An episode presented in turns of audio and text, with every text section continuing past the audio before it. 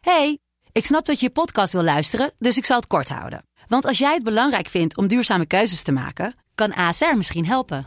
Nou hoor ik je denken, hoe dan?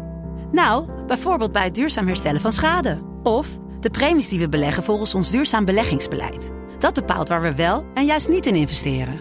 Wil je meer weten over welke duurzame keuzes ASR maakt? Ga dan naar asr.nl slash duurzame keuzes. ASR doet het. Zo, dan kan je nu lekker naar je podcast luisteren. Dit is Mand, de kortste podcast van Nederland. Vandaag gaan we het hebben over het voorspel. Wordt vaak belangrijk geacht, Zeker. maar ik geloof er eigenlijk niet in. Want als je echt iemand graag wil, dan ruk je gewoon door die kleren van de lijf en dan pak je daar. Nou, ik ben wel anders. Hoezo? Ik heb wel een beetje voorspel Ja, maar nodig. Hoezo? Een beetje opgewarmd worden. Al- je- Ja, maar dan vind je iemand anders gewoon niet echt lekker. Nou, dat vind ik echt onzin. Nee, dat is zo. Je moet nog een beetje in de stemming komen. Wel nee joh. Dit was Mand.